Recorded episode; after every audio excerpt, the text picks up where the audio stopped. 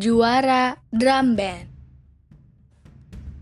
Yusah Ananda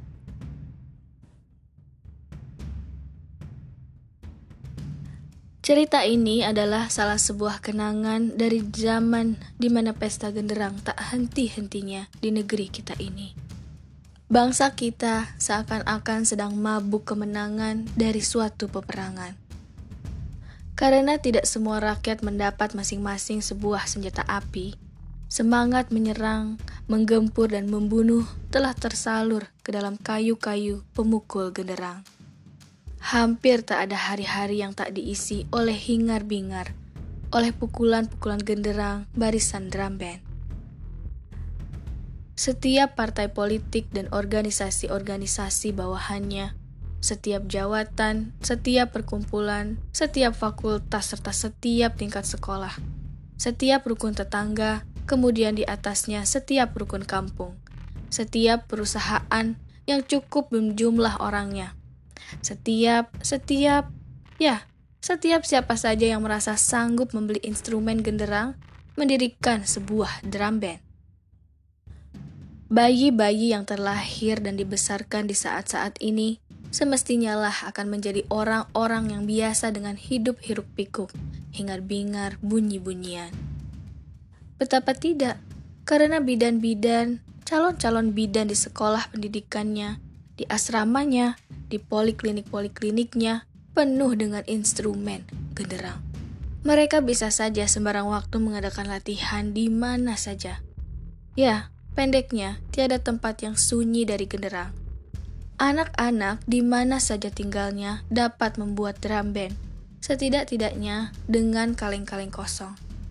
Negeri musuh belum lagi dipenuhi oleh asap mesiu dan merah jelatan api tapi seluruh pelosok negeri kita telah dipenuhi suara genderang, derap kaki berbaris, letusan-letusan senjata api kosong, kesatuan-kesatuan yang mengadakan latihan dan sepanjang jalan raya adalah diisi oleh seragam dalam baris berbaris.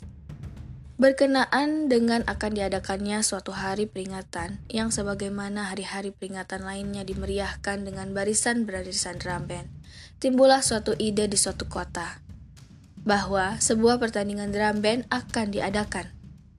Drum band yang ikut akan dinilai oleh sebuah tim juri yang tampak-tampaknya sekali ini haruslah merupakan tim juri yang mencerminkan ahli betul-betul dalam pergenderangan.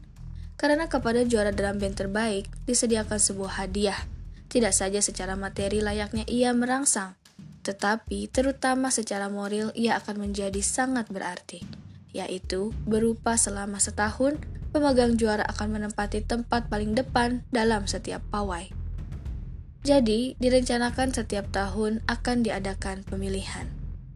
Bahwa pemegang juara dalam tahun itu akan dikenal dari tempatnya dalam barisan-barisan setiap upacara atau barisan-barisan drum band.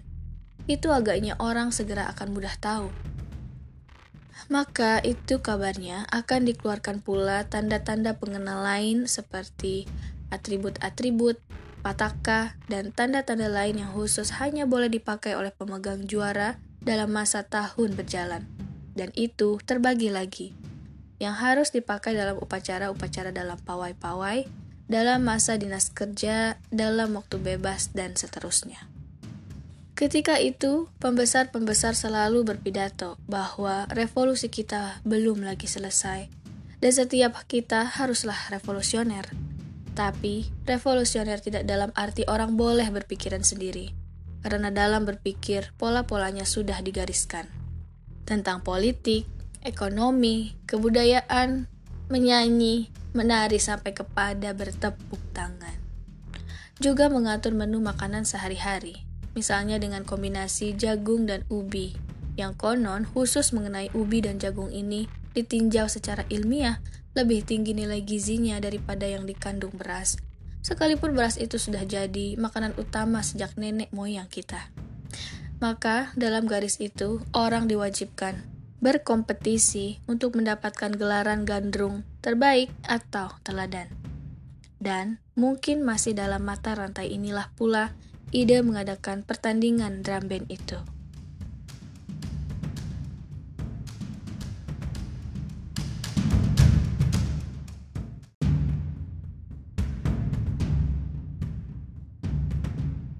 Menurut amanak tahun itu, tanggal hari peringatan itu bukanlah bertanda merah, tapi bisa saja sesuatu hari diperingati setidak-tidaknya dalam lingkungan wilayah atau daerah.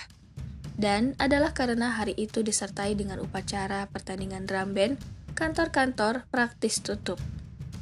Sebabnya banyak, Pengumuman panitia menyebutkan karena banyaknya unit-unit drum band yang ikut dan untuk memberikan kepada peserta kesempatan seluas-luasnya mendemonstrasikan kemahirannya dalam variasi, yakni tentang baris berbaris, lontar melontarkan tongkat kendara. Upacara sudah akan dimulai jam 12 siang.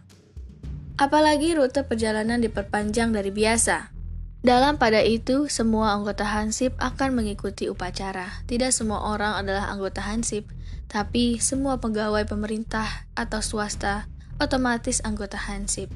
Swasta karena kategori usaha-usahanya harus tergabung ke dalam satu organisasi yang bernama organisasi perusahaan sejenis. Adalah anggota Hansip. Setidak-tidaknya ada unit Hansipnya. Demikianlah, lebih-lebih sebagai Hansip, pegawai-pegawai pada pagi hari sudah meninggalkan rumah, langsung menuju lapangan tempat upacara dan yang tidak menjadi hansip dalam arti tidak aktif baris berbaris, sekalipun tidak ikut upacara, tidak pula di kantor. Malahan, yang latihan memukul genderang beberapa hari sebelumnya telah tidak masuk karena latihan-latihan. Hebat sungguh barisan-barisan drum band itu.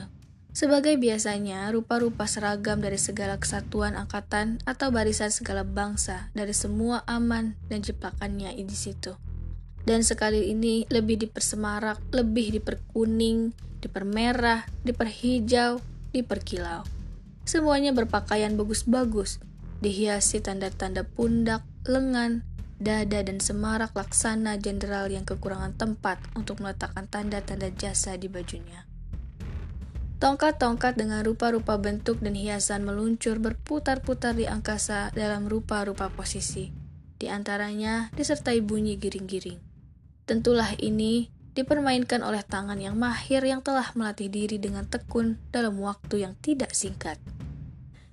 Sebuah barisan demikian hebatnya membuat variasi, sehingga di satu tempat tertentu telah dimintanya bantuan polisi lalu lintas untuk mengosongkan jalan dari penonton. Kebetulan memang jalan di kota itu sebagian besar sempit-sempit adanya. Di situ dipertunjukkannya beberapa macam kemahiran baris berbaris, karena sempitnya jalan, sewaktu dilakukan barisan berpecah ke kiri kanan. Dua orang yang di pinggir sebelah kanan hampir terjatuh ke dalam parit karena terinjak tanah longsor. Dan itu sambil membawa genderang meniup trompet. Memang, di bagian itu sudah beberapa tahun jalan tak terbaiki. Beberapa pertunjukannya adalah mirip gerakan pencak silat yang gayanya diperingan sehingga mendekati tarian di mana perlu untuk penyelarasan irama, kayu-kayu pemukul genderang dan tapak tangan kiri saling dipukulkan ke dahi. Tapi yang paling istimewa ialah di satu tempat ditambahnya pula dengan satu bagian mundur ke belakang, mundur terus ke belakang, sangat jauh. Dan tiba-tiba pemain genderang yang paling belakang bertubruk belakangnya dengan pemegang tongkat barisan berikutnya. Si pemegang tongkat tidak bisa begitu saja memperlambat atau memperkecil langkahnya, karena hal itu akan merusak keharmonisan gerak irama dan ayunan, serta lontaran tongkat ke udara. Padahal, siapa tahu ketika itu ada tim juri yang berdiri di sana. Untunglah jarak masing-masing anggota dalam tiap-tiap barisan cukup besar, sehingga tubrukan seorang anggota, barisan di belakang tidak dengan sendirinya dengan segera akan menubruk yang lain pula. Dan tanpa komando, barisan kemudian dapat mengubah dirinya menjadi dalam keadaan jalan di tempat. Pada saat tubrukan itu terjadi, persis ketika tongkat sedang diluncurkan ke atas, tongkat itu jatuh di muka pemegang genderang yang punggungnya menubruk itu. Tapi, justru keadaan ini satu surprise bagi barisan yang sedang mengadakan demonstrasi itu. Tongkat dapat ditangkap pemain genderang yang sementara sebelum itu sebuah kayu pemukul genderangnya dengan cepat digigitnya, seperti Tarzan menggigit pisau dalam perkelahiannya. Dan setelah membuat beberapa putaran tongkat, Tongkat itu dengan manis diluncurkannya pula ke atas, dan pada gilirannya, si pemilik tongkat yang telah dapat menguasai dirinya menyambut tongkat itu. Perlahan-lahan, jalan di tempat kembali menjadi jalan maju. Sorak-sorak menggegap kempita di pinggir jalan sekitar tempat itu. yang karena gegap kempitannya, masa semakin berkumpul memadati bagian itu. Tapi barisan telah berjalan terus. Bukan main, bukan main, kata suara-suara menggumam di pinggir jalan. Adakah Nekolim sanggup menandingi kemahiran demikian? Suara yang lain pula. Lalu disambung pula suara yang lain lagi. Pastilah Nekolim dan antek-anteknya melihat kemahiran seperti itu saja sudah kecut. Ada pula barisan anak-anak muda belia dari organisasi keagamaan. Pada genderangnya dipasang bendera segitiga bertulis huruf Arab. Umat Islam dengan mudah mengenali huruf-huruf itu sebagai huruf-huruf yang sama dengan huruf tulisan dalam Al-Quran. Beberapa orang mengucap istighfar ketika melihat ujung beberapa kain itu mengenai jalan dan hampir-hampir tersepak oleh kaki-kaki anak-anak muda itu. Bukankah itu huruf-huruf Arab? Suara seseorang berbisik. Betul. Masya Allah, ayat-ayat Al-Quran diperbuat demikian. Itu bukannya ayat Al-Quran, hanya tulisan Arab. Tapi mereka dari orang-orang beragama, bukan? Betul. Masya Allah, ini dosa mempermainkan tulisan-tulisan ayat suci. Tapi kita dalam keadaan bersabil. Bersabil? Benar. Bapak benar. Kita harus menghancurkan Nekolim dan antek-anteknya. Sebuah barisan kini menjadi perhatian beberapa orang laki-laki yang berdiri di atas jembatan depan rumah yang mewah. Barisan ini merupakan barisan dari golongan yang konon terbesar dalam unsur yang menyatukan tiga faham pokok yang mendasari negara ini, yaitu nasionalis, agama, dan komunis atau yang disebut poros Nasakom. Laki-laki yang di atas jembatan itu menunjuk-nunjuk kepada komandan barisan, seorang yang fisiknya kelihatan amatlah gagahnya. Orang yang gagah ini adalah kenalan mereka, dahulu termasuk pimpinan bagian mereka di dalam partai yang saat itu telah jadi partai terlarang. Kasihan, kata orang-orang yang menunjuk. Bagaimanapun gagahnya, ia hanyalah diterima untuk menjadi komandan barisan pawai. Sesuai dengan ajaran-ajaran almarhum bekas Presiden Soekarno, pada waktu itu, yang menurut buku-buku himpunan wejangannya bahwa sejak muda belianya mencintai petani. Dan dalam hal ini secara simbolik simpatinya tertumpah kepada seorang petani bernama Marhaen. Maka diabadikanlah nama itu menjadi Marhaenisme.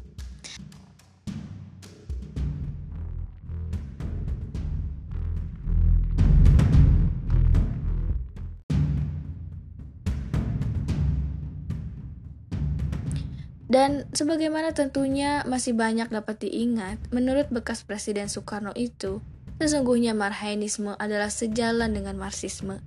Dan demikian partai ini pun ketika itu menyebut-nyebutkan pula sesungguhnya partainya beraliran Marxis. Marxisme yang diterapkan pada kondisi Indonesia.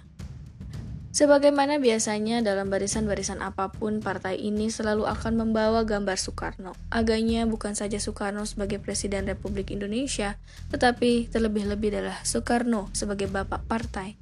Maka dalam barisan drum band ini pun mereka membawa gambar itu. Tidak jelas bagaimana bunyi ketentuan-ketentuan yang dikeluarkan panitia untuk dapat mengikuti pertandingan drum band itu, sehingga juga dibawa gambar presiden. Padahal partai-partai lain tidak.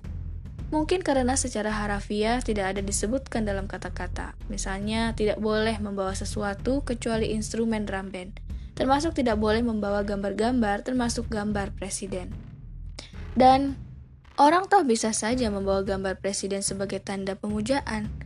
Dan siapakah yang berani mencegahnya? Padahal Soekarno adalah panglima tertinggi angkatan bersenjata, pemimpin besar revolusi, waliful amri daruri, sesepuh agung dan itu adalah gelar-gelar dari rakyat melalui wakil-wakilnya. Di bagian agak di belakang berjalanlah barisan drum band dari golongan komunis. Mereka juga terkenal dengan benderanya, dengan lambangnya, dan warna merah yang disukainya. Golongan mana pun mempunyai lambang-lambang, tapi soalnya ialah teknik mengibarkan lambang-lambang itu di waktu dan saat yang tepat kuranglah disukai yang lain. Dalam pawai-pawai, mereka tak kepalang membawa bendera yang besar-besar, baru-baru dengan tiang tinggi yang hampir-hampir menenggelamkan bendera sang merah putih. Di suatu kerja gotong royong biasa misalnya, mereka pun akan membawa bendera-bendera sekalipun itu hanyalah gotong royong umum. Bisa saja mereka tahu-tahu mematikan bendera mereka. Demikian juga dalam truk-truk yang mengangkut para pekerja pulang sekalipun, ikutnya seorang anggota mereka hanyalah untuk membawa bendera belaka. Dalam pertandingan drum band ini, jika mereka toh membawa seribu bendera, tentu saja bendera-bendera itu tak akan berpengaruh pada wewenang juri dalam memberikan penilaian. Tapi, amboy, di luar dugaan, mereka telah membawa gambar Presiden Soekarno yang penuh dengan bintang-bintang tanda jasa di seluruh dadanya itu. Gambar itu amatlah besar, belum pernah sebesar itu sebelum dia dibawa orang dalam berbaris hampir-hampir sebesar lebar jalan. Tentang teknik berbaris dan permainan drum band, ia tidaklah mengatasi yang lain yang memang lebih bagus. Tapi, agaknya, tak seorang pun anggota juri yang tak berpaham bahwa untuk membawa gambar terbesar pemimpin besar revolusi tidaklah layak untuk tidak ditetapkan sebagai pemegang juara pertama.